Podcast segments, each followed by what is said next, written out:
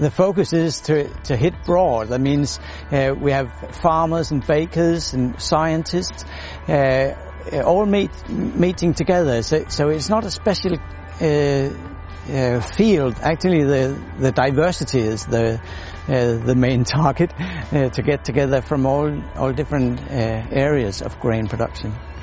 So, of course, bread and, and wheat will be a major topic, but also uh, whiskey and malt and uh, cereal, breakfast cereals. Uh, it, it, covers it all. Previous meetings have been called seminars or workshops or conferences, but with the word festival, we signal that uh, that we also uh, we have a marketplace, we have workshops, baking workshops and uh, seminars, so it's both theoretically and, and also practical workshops.